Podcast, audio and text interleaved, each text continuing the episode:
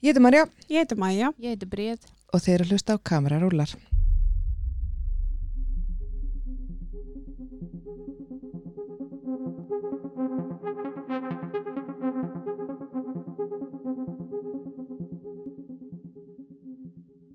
Hjá okkur situr Tinna Rapsdóttir, kvikmyndagerðarkona og leikona. Vertu velkomin. Takk. Hvað segir þá? Allt rosa gott. Já? Já. Mikil umferð, Mikil umferð. leðenda veður, Mm -hmm. það er janúar. Erfitt að finna stæði. Mm Mhm. Mm. Ó já. Tinna, hver er uppáhalds bíómyndiðin og af hverju?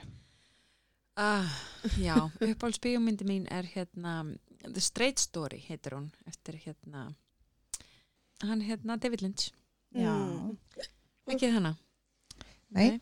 Ná, hún er rosalega óvenjuleg mynd svona á hans mælikvarða vegna þess að hún er ekkit skrítin eins og Mhm. flest sem hún gerir. Einmitt. Hún fjallar um mann sem er kringum áttrætt og hefur ekki talað við bróður sinn síðan, ég veit ekki hvað, í, í 40 ára eða eitthvað, bara nánast alla þeirra æfi.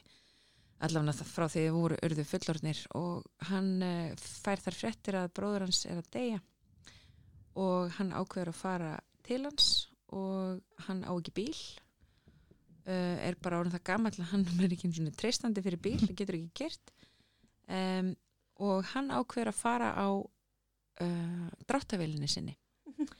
Rosalega langa leið. Og myndin er eitt svona road movie en hún er svo miklu meira og miklu stærri. Og þetta er svo mannleg og falleg saga vegna þess að hann hittar alls konar fólk á leiðinni og sem eru svona hliðarsögur. Og hver saga er að segja okkur eitthvað um bara þetta flókna líf sem við lifum og persónugerðir og aðstæður og þetta er ótrúlega sterk og áhrifarík, áhrifarík mynd og svo loksins í lokmyndarinnar kemst hann leðranda og talaði bróðis og bara þessi þessi uppstilling, hún bara náði bara alveg bara inn að kviku hjá mér. Mér fannst þetta svo fallegt að hann er ótrúlega einföld Mm. saga en svo brjálaðislega sterk.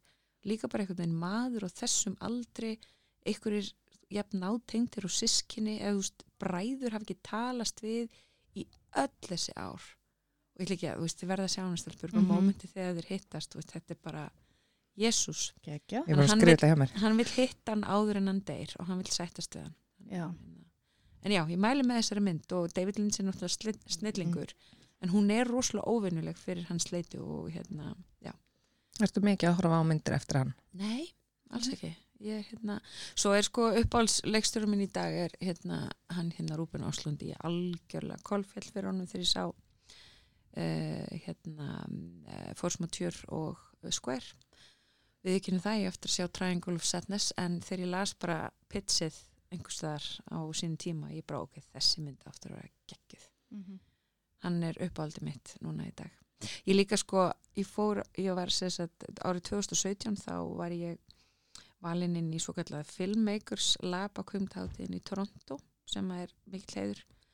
Tíu leikstjórar allstæðar að úr heiminum sem að fá að komast hangað inn og, og ég var þá á þeim tíma að þróa skjálta og þeir hérna þarna á, uh, í Toronto þeir höfðu trúaverkefninu og völdum inn og þá sagt, voru þetta eitthvað, þetta voru svona tíu dagar sem voru bara ákveðmyndaháttíðin og við fengum þessi leikstjórar alveg svona sér meðhundlun, fórum alls konar seminar og voru, fengum að fá fyrirlestra frá öllum þeim leikstjórum eða svona stærstu leikstjórun sem voru með myndirnar sínar á TIFF á þeim tíma. Og þar meðal var Rúben Áslund með Square. Þannig að við vorum hann nokkur sem að fengum að hitta hann og, og hann talaði við okkur og hann var bara svo mikil inspiration fyrir mig. Allt sem hann sagði, hvernig hann gerir myndirnar sínar og hvernig hann vinnur ég veit að það eru skipta skoðanir á því hvernig hann vinnur með leikurum að því hann tekur held í hvað, 40 tökur eða eitthvað? Oh my god. alveg rosalegur sko. En bara hann sem manneskja og hvernig hann talaði og hvernig hann tjáði sig það fannst mér og- bara og hvernig hann miðlaði sínum hugmyndum og vinnu, vinnu svona já, fyrir utan þetta hvernig hann leikstir í leikurum. Það algjörlega hérna, talaði mjög stert í mín En þá einmitt, finnst mér svo skrítið ef hann er svona skýr Mhm. á sinni sjón, Mhm. akkur þarf hann þá að taka 40 tökur? Hann segir að ástæðan sé svo að það er ekki fyrir í 40 sko, ég man ekki hann, hann, þetta, það er að googla þetta það er Mhm. ykkur ákveðin fjölda tökum sem hann tekur alltaf og margir leikstjórar bara, nei, hérna leikarar þólan ekki fyrir vikið en hann segir að, hérna, að þegar hann er komin í sagt, hérna, þessa 40 eða 50 ég, ma- ég, ég sverða, Mhm. eða hvort þessu 20 tökur. Þetta er allir einhver rosalegu fjöldi. Mhm.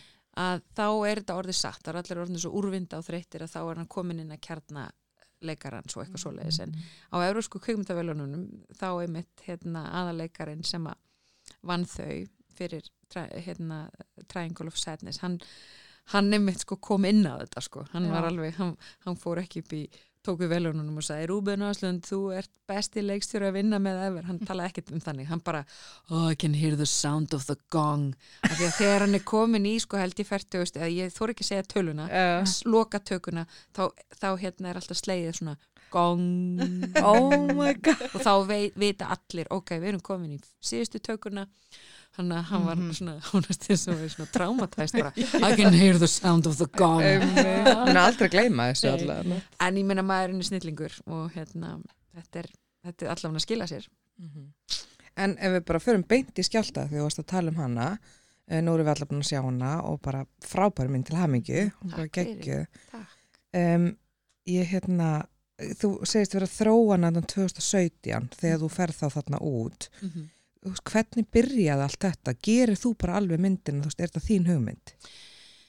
um, já, þetta er það ég hérna eh, ég sem sagt áður sko, mín leiðin í, inn í hérna, kvikmyndabræðsan er svolítið óhefbundin ég fór ekki þó leið að menta mig sérstaklega í kvikmyndagerð en ég sem sagt eh, er leikarmentuð og útskrifast úr leikskólanum hérna heima um, ég er bókmyndamentuð líka, ég var í háskóla Íslands að læra bókmyndir sem að, ég vissi ekki þá en eh, nýtust, nýtast mér rosalega mikið bara við skriftir og, og hérna, sögugerð og allt þetta.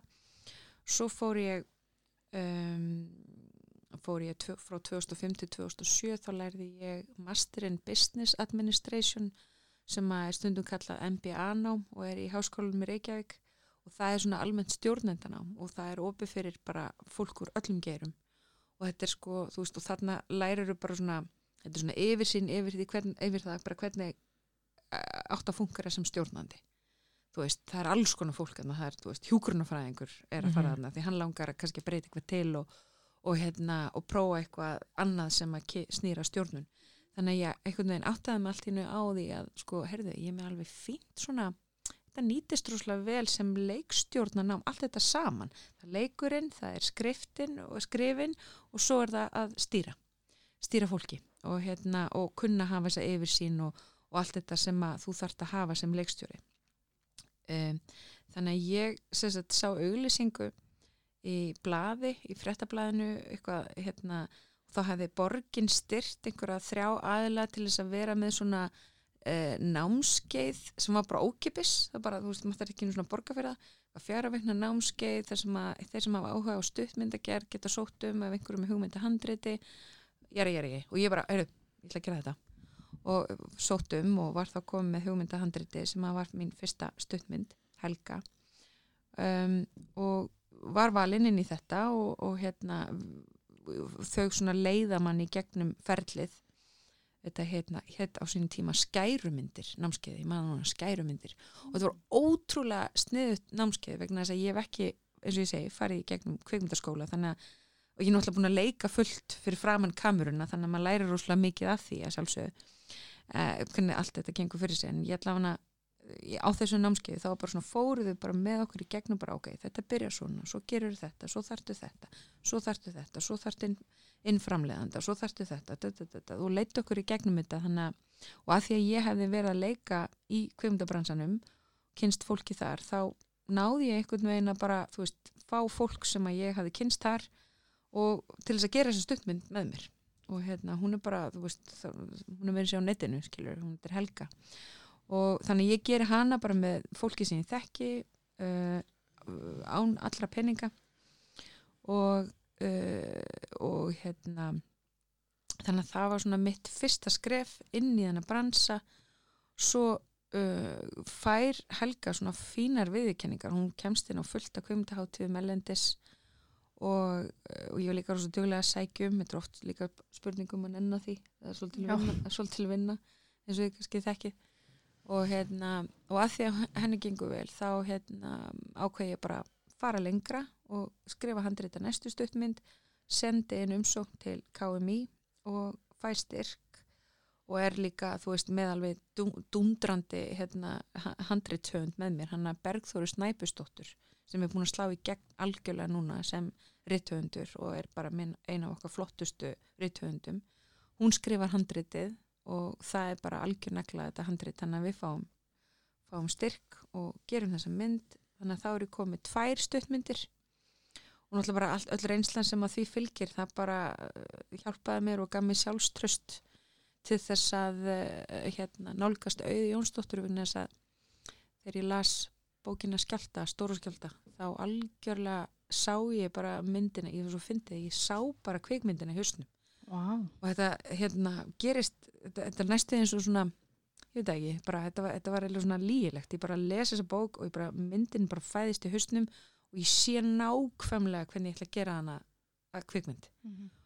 Og því að sko, og mér varst það svo merkilegt vegna þess að þegar ég var svona að segja fólki, já, mér langar úrslega, þú veist, ég er að tala við þig og sjá hvort að hún kannski tristi mig fyrir þessu okkar, þá var alveg fólk sem var svona, hm, já, hm, sé ekki alveg hvernig þú ætlar að gera bíómyndu úr þessu, ég myndi það gerist eiginlega bara í hausnum og mannskunni og allt þetta, þú veist, þannig að hérna, ég bara, já, nei, ég, einhvern veginn, veit það ekki, sé, sé, hef sínina og þannig að það, og ef maður hefur sín, þá myndast þetta, sjálfströst, skiljiði, þá bara, herðu, nei, hérna auður, ég er alveg vissum að ég geti, þú veist, hérna skila þessari sögu sem er svo mögnuð og ber svo mikla verðingu fyrir að, að, að geti skilað henni vel og eitthvað. Þannig að, hérna, já, þannig að ég nálgæðist hanna og, og, og það tók alveg hanna og, og útgefandan svolítið tíma reyndar að ákveða hvort þetta treysti mig fyrir þessu, þannig að ég hafði náttúrulega bara gert tvær stuttmyndir. En hérna, á endanum þá, hérna, fannst auðið þetta frábær hugmynd og hérna, gaf mér, eða sérst ekki gaf mér heldur, let mig hafa réttin að bókinni og þá bara tekur eitt við öðru, ég byrja að skrifa handritið og, og, hérna, og er rostulega að leita ráða hjá öðrum handrita uh, skrifurum og ráðgjöfum fæ leiðbenningar og það er mjög algengt í kvimundabransanum, maður er að skrifa handrit og maður leitur aðra að lesa fyrir sig og ég, veist, ég hef oft verið beðin um að lesa fyrir aðra og, og það er svona, já, finn mikla samstöðu þar Finnst þið það alveg sjálfs, sjálfsagt að gera það fyrir aðra Já. og, og byggja um það? já, já, já, ef þú hefur tí fólk er náttúrulega upptekið Mm og oftast er einhver greiðslabúðin fyrir þetta líka Já, ég skil. en þú veist, ef þú hefur tíma og að því, þú veist, ef þú gerir þetta vel og gerir fullt af punktum og þá er þetta alveg tímafrekt en þú veist, já uh, já, þannig að hérna, já, það er það sem að ég gerði og fekk Hlín Jónusdóttur uh, inn með mér til þess að framlega þetta með mér, þannig að þetta er svona Hvað varstu lengi að skrifa handritið? ég var heilengi að skrifa handriti ég var alltaf að endurskrifa og, og fá þennan til að lesa og hann kom með punta og svo þennan til að lesa og hann kom með punta og svo að því það sko að breyta uh, kvikmynd, nei skáldsögu í bók er, nei, fyrir ekki hérna bók yfir í kvikmyndahandrit er snúið Mm -hmm. og nú er þið búin að sjá skjálta og þið sjáu alveg þetta er ekkit þetta er ekki svona hefðbundið allt saman Mhm. og veist, við erum mikið í hausnum áni við erum mikið að upplifa allt í gegnum hana það var leiðin sem ég vildi fara að setja áhörundur sem mest inn í hausin á henni og vita ég að blítið hún Einmitt. En hvað myndur þú segja þá að, að þú veist, hvað er, hvað er það sem þarf að huga að Mm. þegar þú breytir bók í kvikmyndahandrit Mhm. Sem er kannski frábröðið að skrifa bara beint kvikmyndahandrit sem er bara skálskapur. mm um, að passa upp á sjónrana þáttin að passa upp á það að að, sagt, uh, að, að bera virðingu fyrir því formi sem kvikmyndaformið er að, að gera eins sjónrænt og þú getur segja söguna uh, með sko myndum frekar heldur en bara trist á textan skilji Já, skil. samtölinu og allt þetta.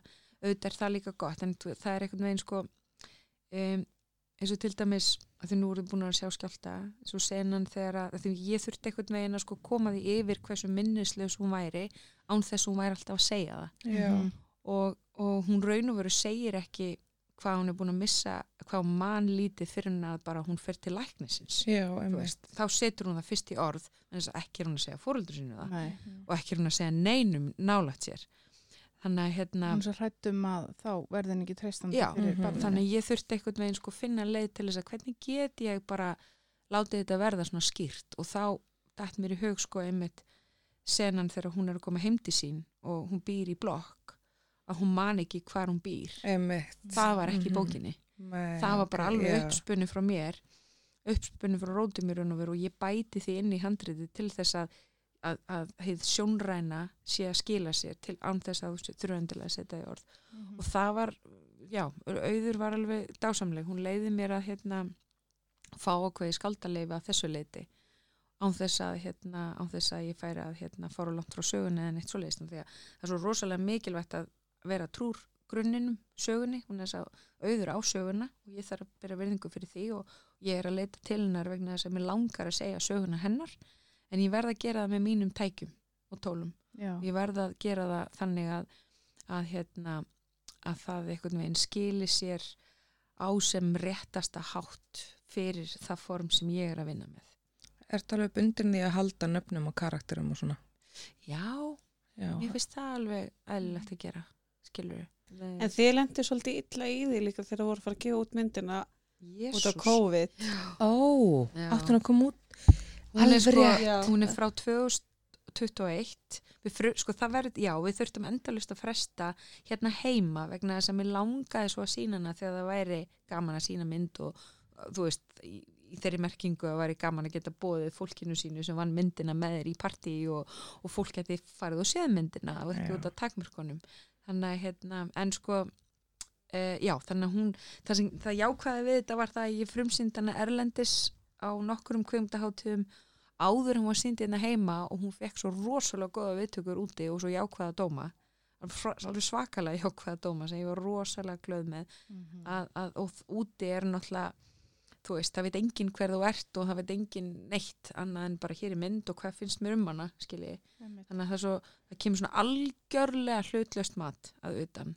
Þess vegna var rosa gaman að geta sagt frá því að, og bara auglýst það að hún hefði fengið svona frábæra viðtökur úti áður en við sínum hana hérna heima þannig að þú veist, þá getur maður sagt bara já ok, þú veist, útlendingafílaðina, ef maður fara úrslega vond að dóma hérna heima, þú veist, ég veit ekki neitt. En þetta er, þú veist, ma maður er alltaf lítið í sér og maður er hrættur og maður veit ekkert hvernig fólk mun taka þessu, þannig að ég var úr að fegin að, að fá þessa viðtökur úti. En, en við aftur á móti, svo loksist þegar við frumsýnum hana 2020, já, já, síðast ári hér heima þá var ennþá svona COVID slen yfir öllum þó að takmarkanir væru farnar og það var alveg nýbúið að aflita þeim Já. Þannig að það var ekki þannig ástand að fólk flyktist í leikús eða bíó eða fúst, fólk var ennþá bara heima í sófanum í einhver svona áhulla streytur öskun eftir bara, bara í búblu. Allir ennþá bara að passa sig. Já. Já, þannig að aðsóknin var enga veginn með, sko, í samræmi við hérna, viðtökunar. Þannig að mér leið svolítið, sko, þegar hún var sínt hérna á rúf núna sundagi, mér leið svolítið eins og ég væri að frumsýna hana heima Mhm. núna í fyrsta skipti, þannig laða séð. Þetta, þó að það ekki verið þannig. Af því að það voru svo margir sem að voru spenntir og vildu sjá hana og allt það en þú veist, æ, ég bara mista henni og, og ég ætla alltaf að fara í bíó og fór ekki í bíó og þú veist, þetta var alveg ástand á þessum tíma. Já, ég held sko að Hlín hafi sínt okkur Marju etna, trailerin fyrir henni bara 2021 eða 20 eða eitthvað. bara áður en við útskrifumst. Og já, Og þá var hún alveg bara orðin svo spennt að geta einmitt sínt hana líka hérna heima. Já, við þurftum alveg að fresta um, um hérna hálft ár að með mér, eða lengur Já. var alveg svakalegt, sko Hvernig er það? Er það ekki, rosa Ok. skrítið, já, og leiðilegt líka? jú, er það ekki? þetta er eins og einhvern veginn bara, þú Bara þú- sitja á gulli og get ekki sínt já, já, það er rosa skrítin tilfinning og Mhm. komur á óvart hvað einhvern veginn að því líka bara mér langaði að snúa mér að næsta og bara einhvern veginn klára þetta þetta er eins og Mm. get ekki einhvern veginn klárað Mhm. þú veist, það er einhvern veginn alltaf en hérna, já já, já, en að múti kom er að það leið rosa stutt á milli út af þessari frestun, þá leið mjög stutt á milli næsta verkefnis skilur þannig að svona þú veist, ég frumsýni hana núna um, í mars á síðast ári og einmitt sama ár fer ég í tökur á næsta verkefni já. sem er svona, já, En hvað, núna ertu að klára að klippa Já, nú, Hitt nei, verkefni. já, ég, er ekki að klára, ég er eiginlega nýbyrjuð að klippa við, sem sagt, í- svo næsta verkefni að því að með að út af öllum þessum frestunum á skjálta þá var ég bara á fullu að, að vinna í þróun á næsta verkefni sem er sjónvaserja og við erum hérna þrjár sem að ákvaðum að kýla á það verkefni að framlega þetta saman og já, þannig að þú veist þá er raun og veru sko að því að, að þá einhvern veginn skapast svo mikið tími og rými til þess að einbytta mér að næsta. Þannig að þegar að skjálti loksins eh, er frumsýn þá eh, er svo stutt þangað til ég fer í tökur, tökur á sagt, því verkefni sem að ég er að klippa núna sem er sjónvaserja og verður sínd á símanum næsta haust og heitir Heimaði best. Þú skrifaðir hana eða? Ég skrifaði hana í samstarfi við Ottoger Borg og Terving Tervingsson Já, ok. skrifum Spennandi, og um hvað er það? fjölskyldu saga aftur. En, en já, þetta er, þetta er, þetta er öllu létt, léttara en, en skjálti Já, já. já, en, en samt sko þetta er svona þetta er, þetta er kaltæðnislegt drama. Að þú veist, ég veit, ekki þetta er, þetta er fólki fyrst, fólk sem hefur séð sko fyrstu tvo þættina þegar við erum svolítið svona að kl- klára eða svona, já, við erum að læsa klipp á þeim þeim finnst þetta svolítið, þeim finnst þetta svolítið fyndið, þú mér það svo skemmtilegt og svona, já, þetta er svo fyndið, En þetta er samt kannski dramatist fyndi að því að maður getur tengt við þetta? Já, þetta er svolítið Þú svo veist, að því að maður klæðir stundum að einu óförum þú veist, og annar manna að því að Já. þetta er svo og þetta er svona, æ, ma- típist mamma er alveg nákvæmlega þessi típa þú veist, eða eitthvað svoleiðis. Þetta er sérst, um fjölskyldu um uh, og sumarbústað fóreldra sinna mjög ólík sískinni sumabústaðar í fjölskyldum er alltaf drama En er þá er hérna e, þessi viðbröð frá þessum sem eru búin að sjá þess að fyrstu tvo þætti, mm. er það viðbröðin sem þið voru að búast við? já, eða þú nei eða þú veist, nei, kannski ekki að já, eða Ekkert að væri svona, ekkert að væri svona fyndið? eða Nei, ekki kannski að vera svona, þetta er ekki alveg ha-ha fyndið, þetta er samt svona, þú veist, já, þetta er nákvæmlega líkillin sem þú veist að segja, fólk sér að því að sko, þú veist, fjölskyldur eru bara og geta verið stórfurðulegar og stórskreitnar og svona alls konar flækjur sem að geta myndast þarna á milli fóruldra og barna og, meðal, og líka milli sískina og svona, sérstaklega þegar þau eru mjög ólík. Þannig að ég svona að segja sögu af fjölskyldu þess sem að einhvern veginn fer inn í ákveðnar aðstæður sem að þvingar þau til samskipta. Mm. sem erðamál eru oft skilur þú veist að pappin deyr og, og hérna og eitthvað og mamman er enn á lífi en hún er samt veik þannig að hún þarf að fara á spítala þannig að þau sitja uppi með allt dæmið og þau eru ógeðslega ólík og hérna og þá er allt í þurfa að fara að taka sameilar ákvarðanir og þá koma upp alls konar hlutir sem að þau hafa náð hinga til að tala ekki um og þú veist, Mm. já þannig að jú, það Já. er alveg þú veist, em- le- eins og ég er að lýsa hljómar þessu mjög spennandi, sko. já, Já, að alveg. Það, sko, þetta er bara einmitt, ég, við sískininni erum þrjú, þetta er bara einmitt svona, vá, þetta gæti alveg, þú veist, að við erum Já. alltaf ólík. Mm. Það er stundum eins og við séum alin upp að mismundi fólki, sko. Já, það var nefnilega svo skemmtilega að vera einn kona sem að hafi lesið eitthvað að hlusta á okkar viðtal sem ég fór í og ég var að segja frá þessu og hún sendið mér skilabóð hún sagði, ég þekki þess að koni ekki neitt en, en hérna, hún sendið mér, hún sagði veist, ég var bara að senda þessi skilabóð að þess að, að ég æmitt kemur svona fjölskyldu þess að með svona fjölskyldu fyrirtæki og, og við sískinin erum eitthvað að díla við það og hún sagði, ég lagst til að sjá þessu serið þannig að ég upplifi stundum eins og fyrirtækið sé fjór, við erum þrjú að fyrirtækið sé fjórðasískin Mm. sem að fekk mestu aðteglina Já. og ég bara, heyrðu, vá, hvað þetta geggjusetning og ég spurði, má ég fá leiði til þess að nota þessa setningu í seríunni. Bara, ég ætla að láta eina eitt sískinni segja þetta. Og bara, já, sjálfsögðu auðvitað. og hérna, þannig að mér finnst þetta briljant og þetta er svolítið það sem að þetta er um um mitt fyrirtækið er fjórðas, fjórðasískinnið og, og hérna. Er- Hvernig er stefnið á að gefa þetta út? já, næsta haust, þetta verður syngt á síman Já, Er þú að leikstýra þessu líka? Og hver er að leika? Uh, Hanna Maria Karlsdóttir leikur mömmuna. Hún er eiginlega svona aða hlutverki þannig að það hverfist allt um hana. Hún Mm. er svona þunga meðan í þessu öllu saman. Og, og hérna og það var alveg hluti af, af ákvöruninu sko að veist, gera flækjurnar enn flóknari með því að hafa mömmuna enn á lífi og þau eru einhvern veginn að díla við þetta að því þú veist þegar þú veist að þegar báði fóreldri er farin þá er þetta bara sískinin Mhm. en þetta er sískinin og svo er mamman þetta ennþá þannig að það, það, og hún fer á spítala og svo kemur hún aftur og þá eru þau einhvern veginn svona búin að díla við allt eins og hún sé bara farin Svolítið svona eins og hræka bara Já. bráðinni. já, svolítið svo leiðis og Hvenær trefst hún? svo, já, já víst, það er eitthvað þannig að hérna já, hann Hanna Maria Karlsdóttir hún er eh, ekki búin að vera að leika mikið upp á síðkastið en hún er eina af okkar bara reynslu mestu leikonum hún hérna hún var alveg briljant í 101 Reykjavík að Baltasar Mhm. árum aður og svo var hún í hérna uh, sveitabrúköpi og þá sá ég einmitt hvað hún er geggjuleikona í bíó. Og hún sem sagt hérna er núna í þessu aðluturki og er alveg frábær. Mhm. alveg bara frábær. Svo hérna eh, Pálmi gestsleikur pappan uh, og er líka alveg frábær æðislegur, ofsalega gaman og gott að vinna með þeim svo eru sískinin þrjú, það er Þurrið Blær og Já.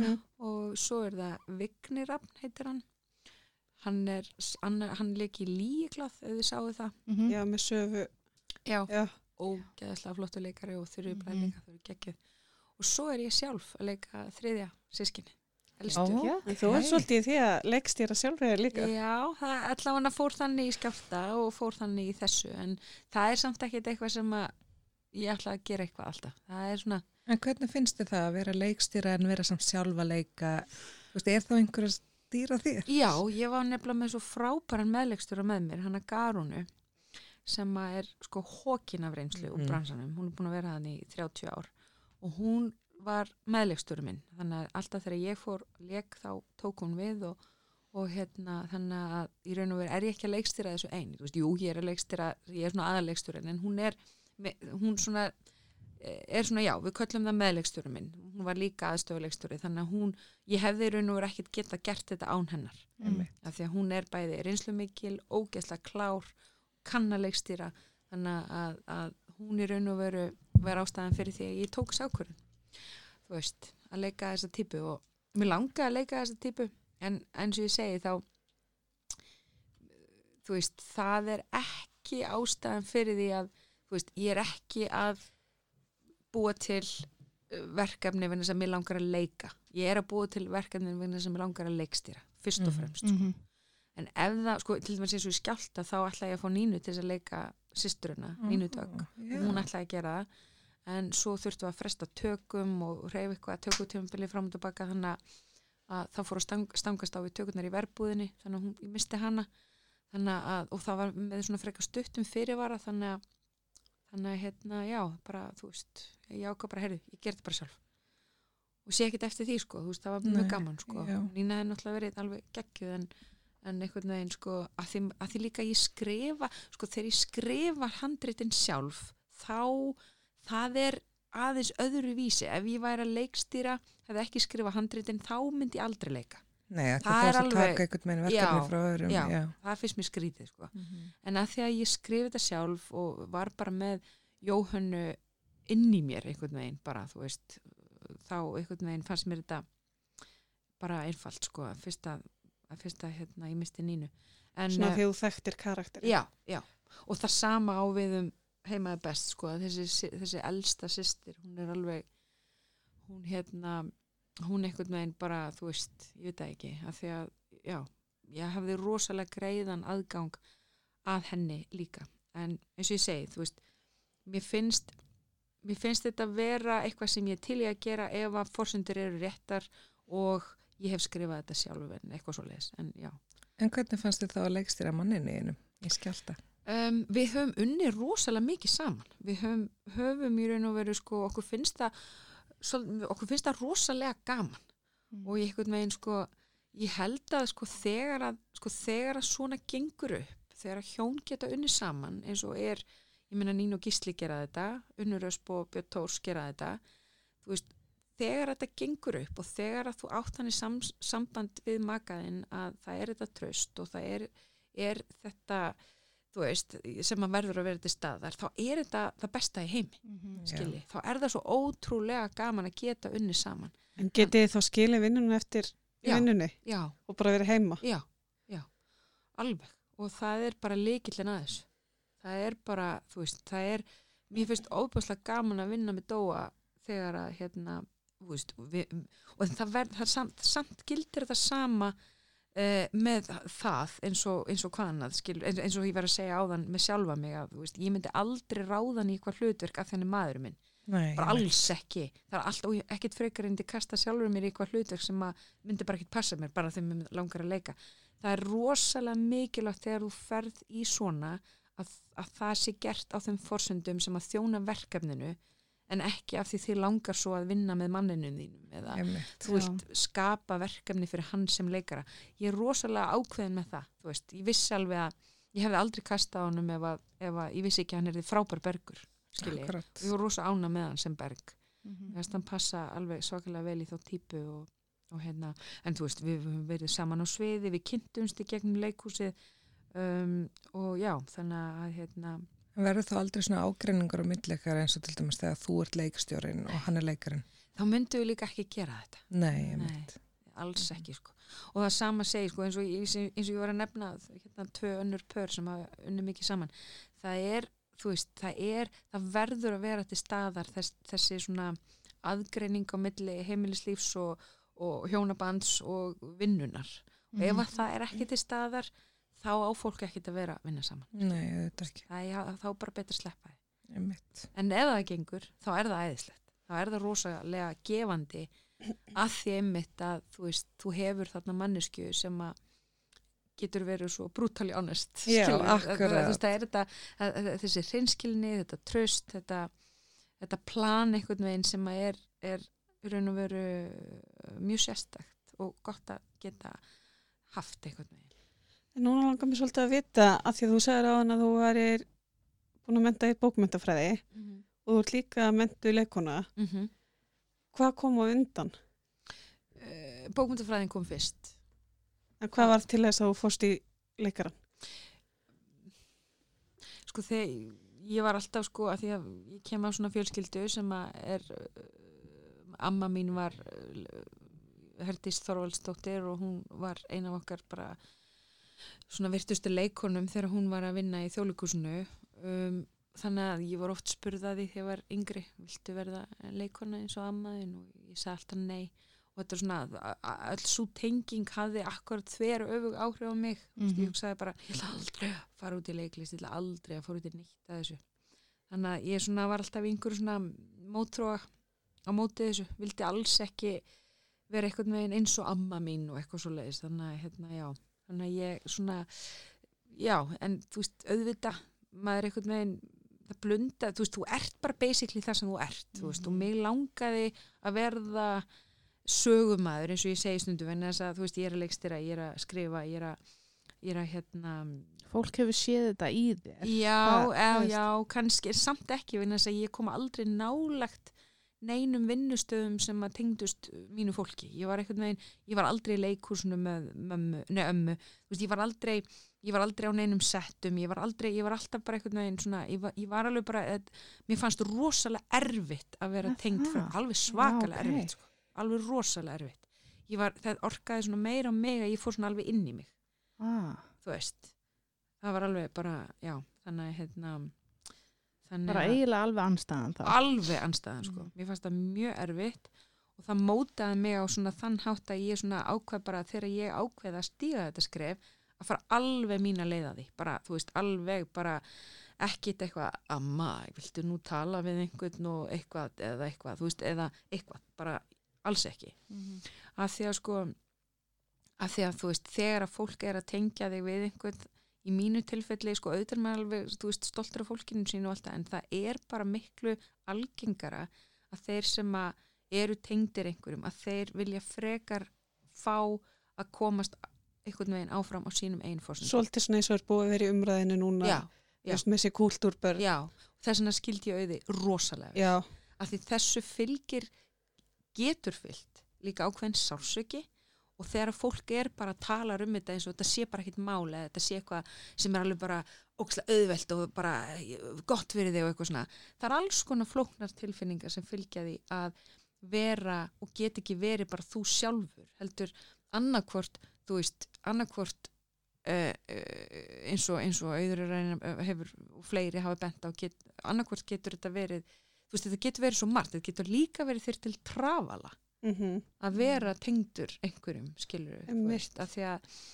viðkomandi aðli getur verið einmitt umdeildur, viðkomandi, Nákvæmlega. þú veist, og og svolítið að smitast það eins og að skoðanir fóreldri Já. séu þínar skoðanir. Já, en það er Já. ekki endilega þannig. Já, þú ert hlýtur nú að vera svona því að þessi er svona þú en þú kannski ert akkurat anstæðan við það, en þú nákvæmlega. ert dæmt fyrir það vegna þess að þú veist, fólk gefur sér hluti þú veist, þetta, þetta er bara já, þannig að þegar auður raun og vera ákveða að svara fyrir sig þá veit ég að mjög margir í svipari stöðu skildur nákvæmlega hvað hún var að segja. Einmitt. þú veist, þetta er, þetta er, þetta er sko já, þannig að þetta er, þetta er svona þetta er líka svolítið svona með, er það að segja þetta að er kona Já. og hún get ekki verið góð já, listamæður út frá því já. eða þú veist. En ég allan, ég var ekki með svara spurningunni. Ég, ég, ákvað, ég ákvað að hérna, ég var ekki út af því ég var í þessu mótróa. Þá, ég var ofsalega stolt af ömmu minni. Amma mér var dásamleg og yndisleg kona og bara æðislegt að ég var að nefna hann út af leiklistinni.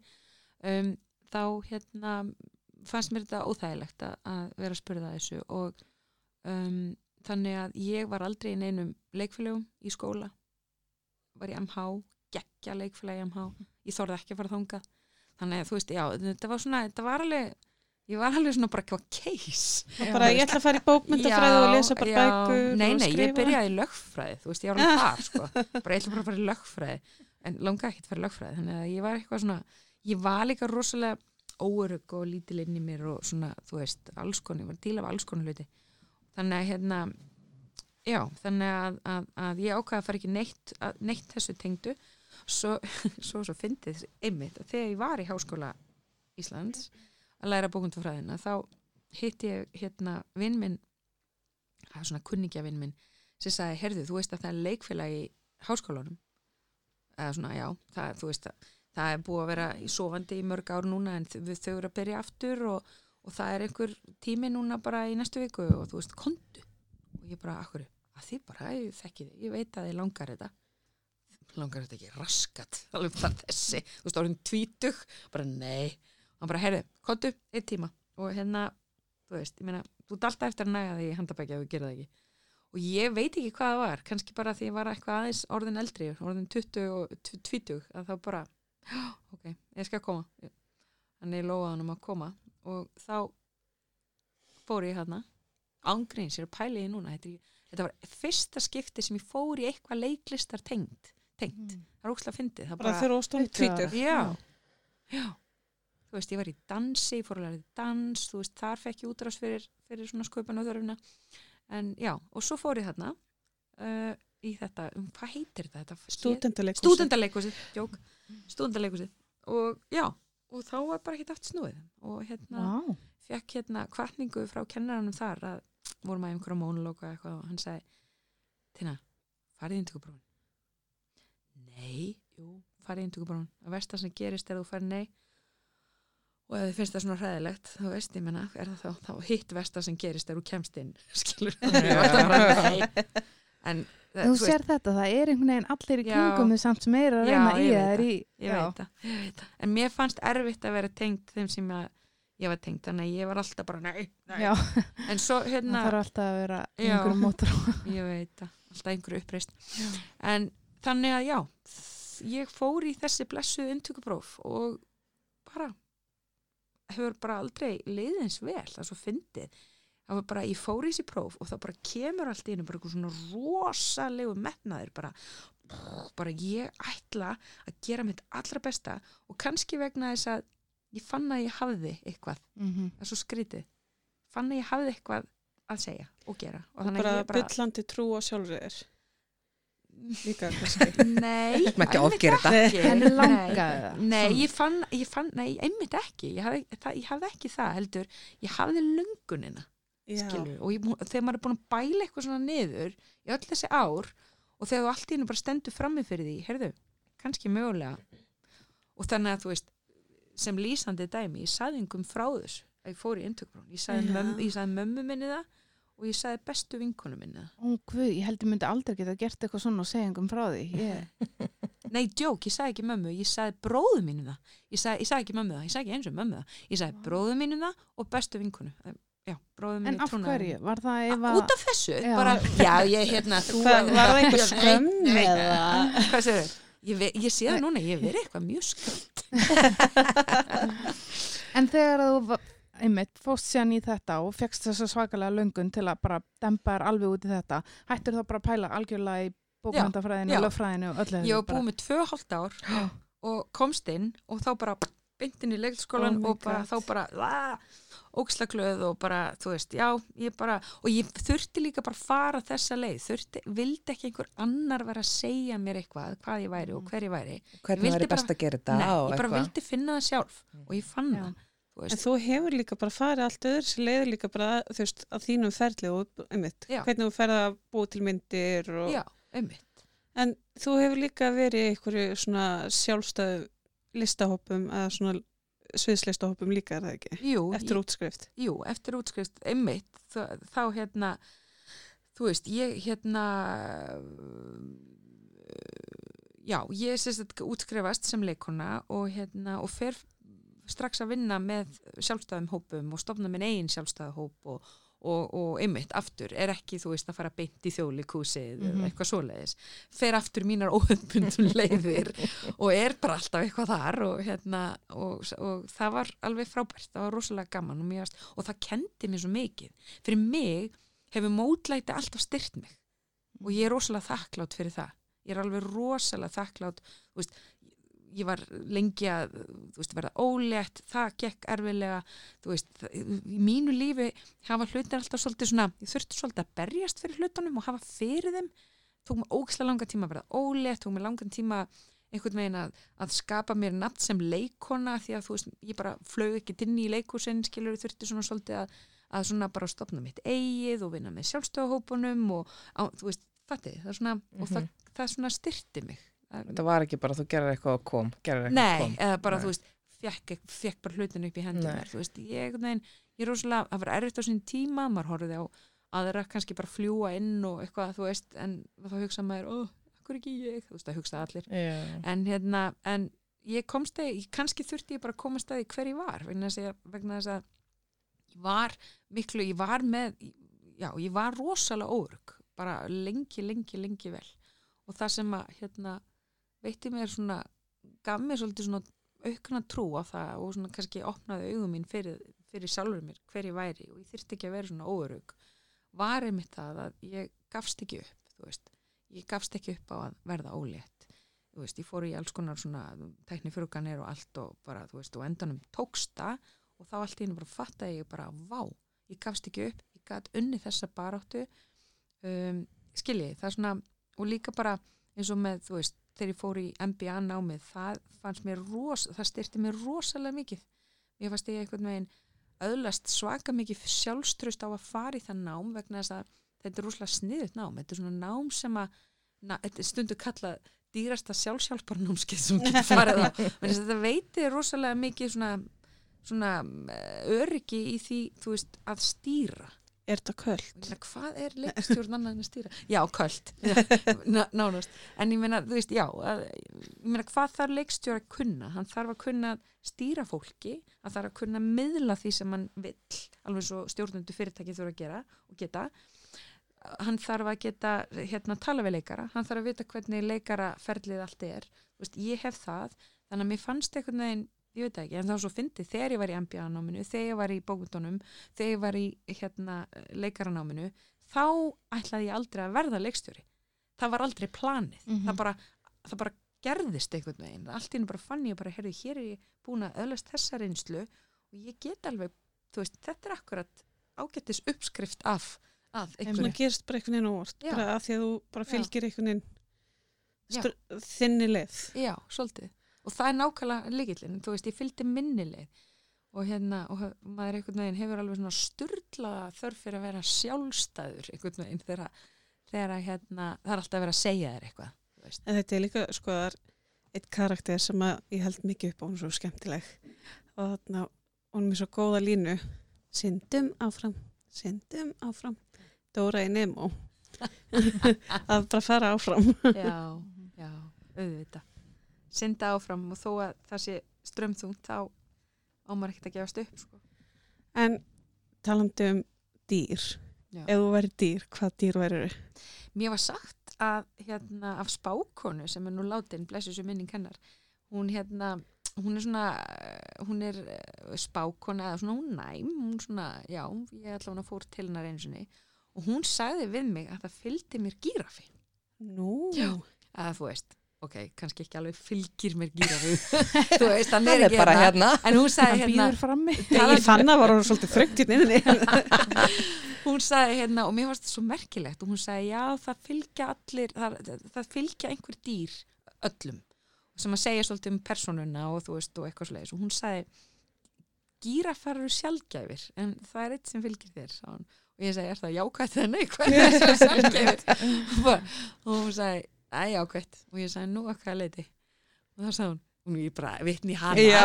ég veit ekkert hvað er til í þessu þetta er kannski algjört bull. Þetta er hana á þessum tíma þegar ég fór til hennar þá var ég líka þannig sem ég var að segja svona pínu svona óörug eitthvað. Þannig ég, haf, ég hafði gott að ég heyri þetta. Þetta svona hjálpaði mér. Þetta var svona veitti mér smá svona aukna trú. Hún sagði gírafinn er mjög góður en þess að hann er með svo langan háls að hann getur séð eh, lengra svona meira yfir ólíkt hinum dýrunum sem eru læri lofti og hann kemst upp í hérna safaríkustu blöðin í blöðin sem engin, engin af hinum dýrunum kemst í og ég sagði bara, já ok er það jákvætt? þá sagði hann, já það er jákvætt ef hann nýtir þessa hæfileika sína, sjá lengra en aðrir og þess að hann getur þá vísað hinum dýrunum á það hvar matin er að fá, eitthvað svona, hún líst þessu svona wow. þannig ég bara svona, já ok þannig að, já, vísa öðrum þangað eitthvað, já, mér fannst þetta eitthvað, eitthvað fallegt. Áhugavert. Mér finnst það mjög skemmtilegt af því að það, ég er alveg sammúlað spákonunu að því að ég held að dýr, eða þú veist, ef þú tengir við eitthvað dýr, já, það segir oft svo mikið um karakterðin. já, Þannig að, já ég, þú veist, mér finnst líka bara og mér langar, mér finnst æðislegt þegar ein- einhver kemur til mín og segir herðu, þú ert kvartning fyrir mig, einmitt, leið þú fóst og hvernig þú bara einhvern veginn gafst ekki upp á eitthvað svona, Vistu, að það hefur verið kvartning fyrir mig og þá fæ ég alltaf líka svona oh, mér þykir svo væntu það, mér það þykir er gírafinn að vísa Já. hinnum. Já. Já. og þá fæ ég alltaf alveg bara svona oh, dásamlegt og mér þykir virkilega væntu það, mér gott að geta verið kvartning fyrir aðra Auðvitað. Þannig, Það er líka markmið til dæmis okkar með þessu podcasti er að, að hlusta á einmitt sögur eins og þína sem eru frábröðunar öðrum sem Já. að fara ekki bara alltaf eða rétti leiðin en að gesa lappa nei, einmitt. og leifa fólki líka að sjá að þetta er ekki, þetta er ekki allt bara svart og hvitt. Það er engin ein leið. Nei, það er engin ein leið í kvikmyndagerð og þú veist, og einhvern veginn að gefast ekki upp, það er allir einhvern veginn með það, þú veist, að, Mhm. að ekki gefast upp, að halda bara einhvern veginn áfram að, að gera bara þig. Já, En þegar þú varst að byrja í, á, þú veist, á þinni vegferð Mm. Og þú veist, ef þú sæir ykkur manneski sem er að byrja á sinni vegferð, þú veist, hvaða ráð hefði þú viljað heyra þegar þú varst að byrja? Mm. Ég hefði viljað heyra að um, þú þarft ekki vera hrætt ég hefði viljað heyra það þú þarft ekki vera um, hrætt við hafnanir. Þú þarft ekki vera hrætt við að mistakast vegna þess að það er ekki það er ekki það sem þér býðst sem skilgreinir þig. Það er hvernig þú vinnur úr því sem þér býðst eða býðst ekki sem skilgreinir það er því vil ég heyra vegna þess að, að það er svo ríkt í okkur að bera okkur saman við aðra og já þessi hann er að fá þetta ég er ekki að fá þetta og það segi þetta um mig eitthvað svoleiðis, skilur og þá er ég á einhverjum ákveðnum stað sem er eitthvað verri en það sem hinn er að fá. Það er nefnilega alls ekki þannig vegna þess að í eðli sínu þá eru verkefni og aðstæður og hvernig þið gengur það eru svo mörgum hlutum háðir. Það, stundum er það bara tilvillilega kent hversu vel gengur hjá þínum og þessum. Stundum ertu réttur að, á réttum stað á réttum tíma.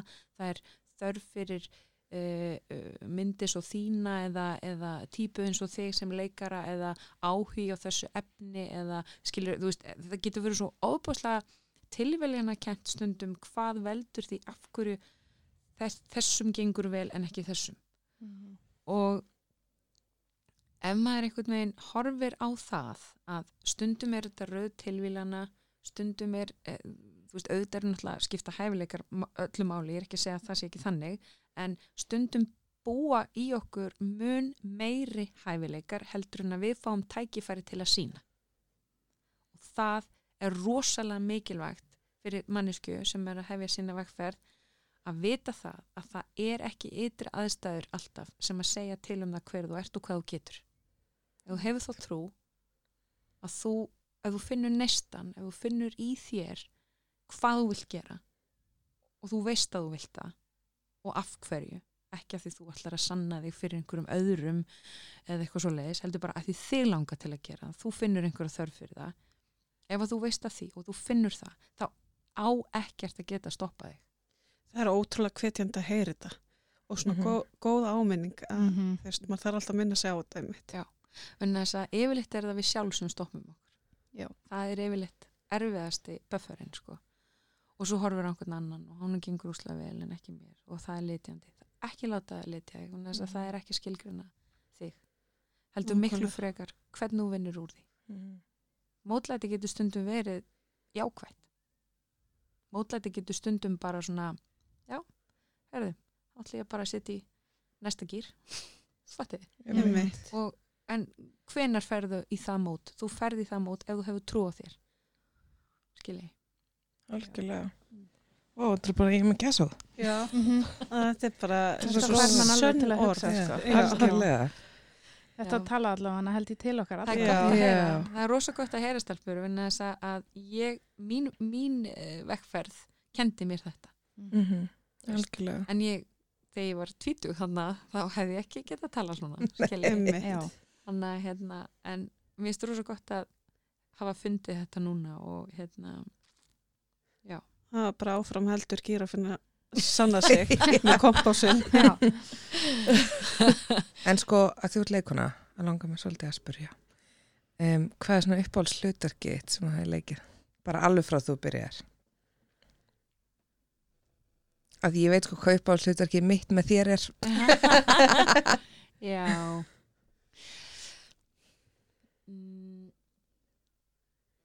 ég myndi kannski segja að uppáhalds hlutverki mitt svona er sé þegar ég fekk eh, að leika aðhlutverkið hjá henni Dunu, henni Guðni Haldarsdóttur í kvikmyndinni Veðramót uh, sem kom út 2007 um, hún, ég myndi segja að það sé svona uppáhalds hlutverki mitt vegna þess að það var, ég var ég, það var svona stærsta tækifæri mitt eftir útskrift sem leikona sem að, já, það var svona, það var svona stórt og mikið tækifæri, ég fekk að vinna með Guðnýju sem er frábær leikstjóri og, og hérna, og Hera Hilmas var að stíga sín fyrstu skref. Um Kottnung þá og kynst henni var að leika með frábærum leikurum Hilmisnæ og, og fleirum, þú veist, þetta var bara æðislegt verkefni og, og bara líka ofsalega góð tilfinning að vera treyst fyrir svona stóru rullu.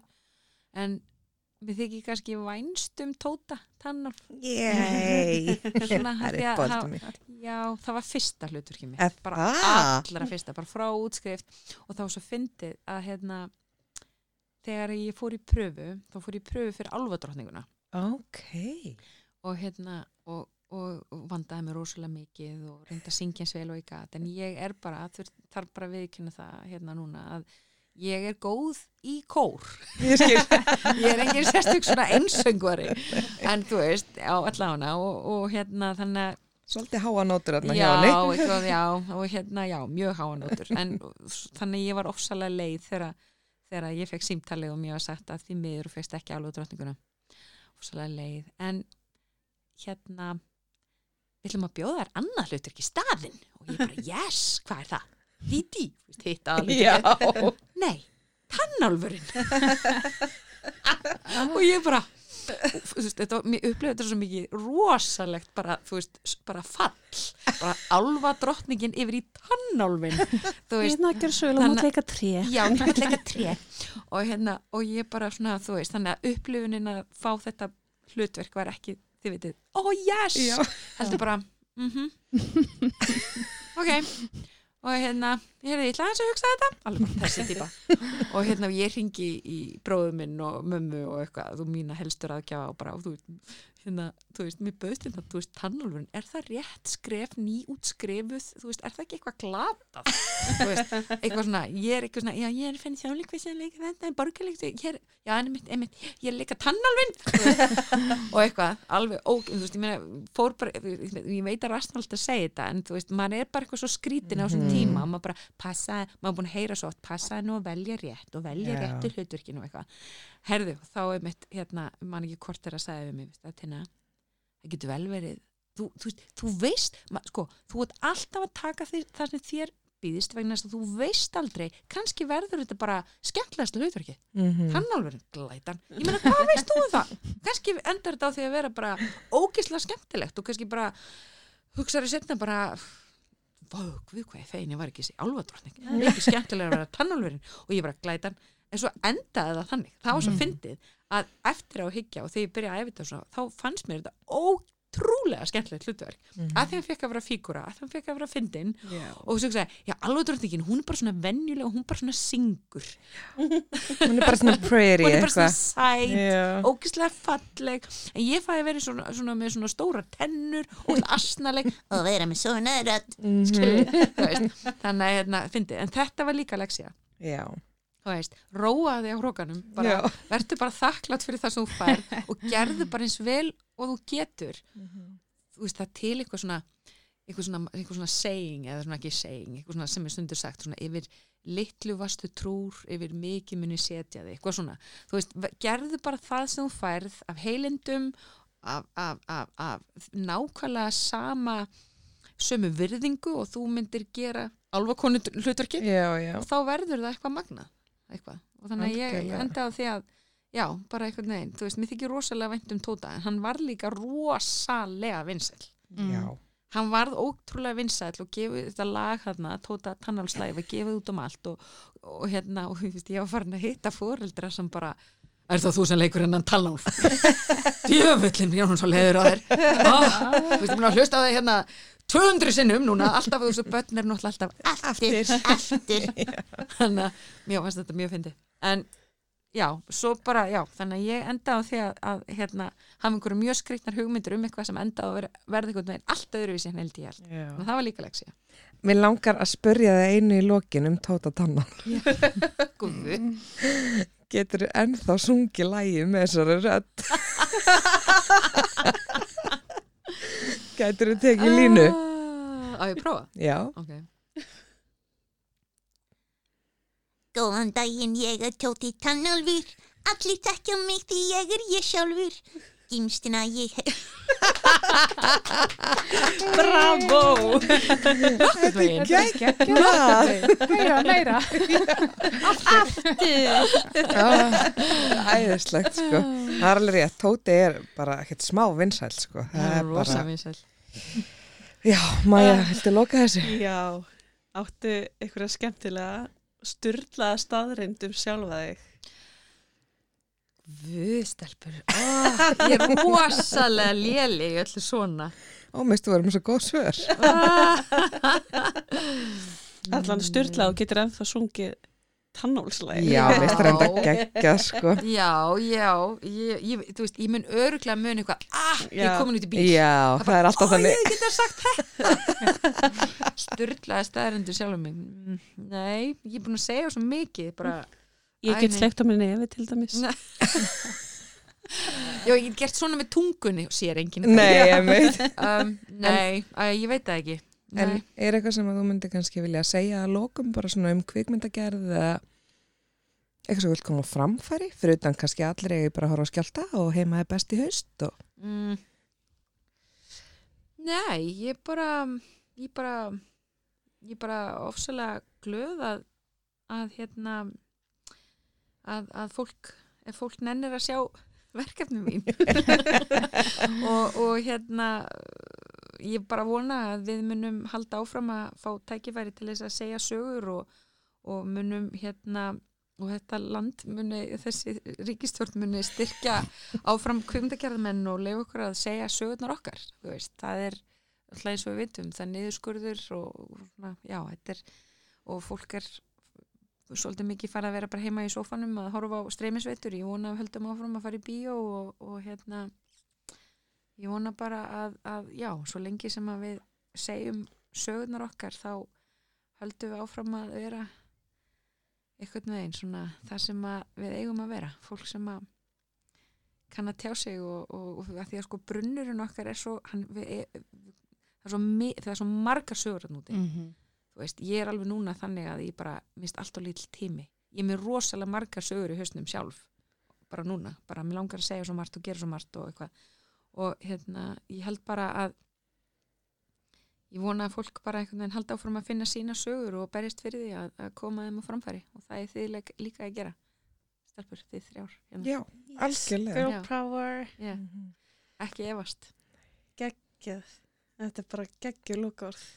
Já, bara takk hella fyrir að koma til ykkur. Ég hef viljað tala við í tvo teima ef við bótt, en svo alltaf. Já. Það er alltaf þannig, sko. frábært að vera með ykkur Sömulegis.